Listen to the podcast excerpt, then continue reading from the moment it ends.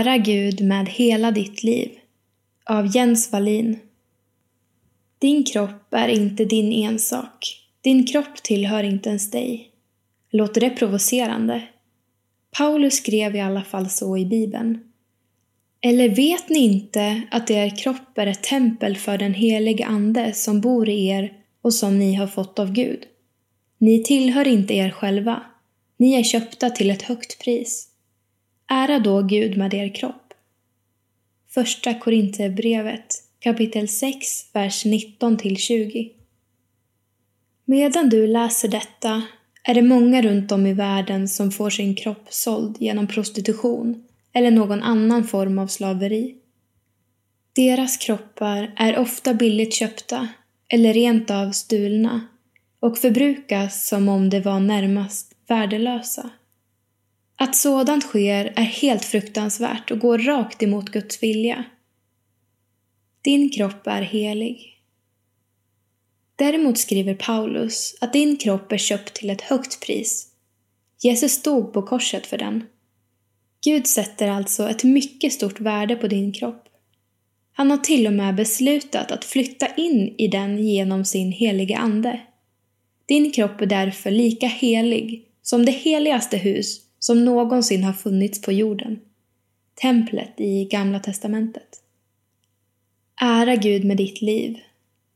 Likt templet är din kropp inte i första hand till för dig eller för någon annan. Den är till för att ära Gud.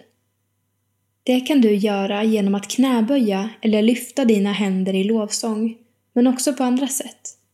Om ni äter eller dricker eller vad ni än gör, så gör allt till Guds ära, skriver Paulus lite senare i samma brev, Första Korintierbrevet, kapitel 10, vers 31. Allt du gör kan alltså göras till Guds ära. Du kan hjälpa någon med läxan. Du kan sova ut under helgen. Ja, du kan till och med spela fotboll till Guds ära.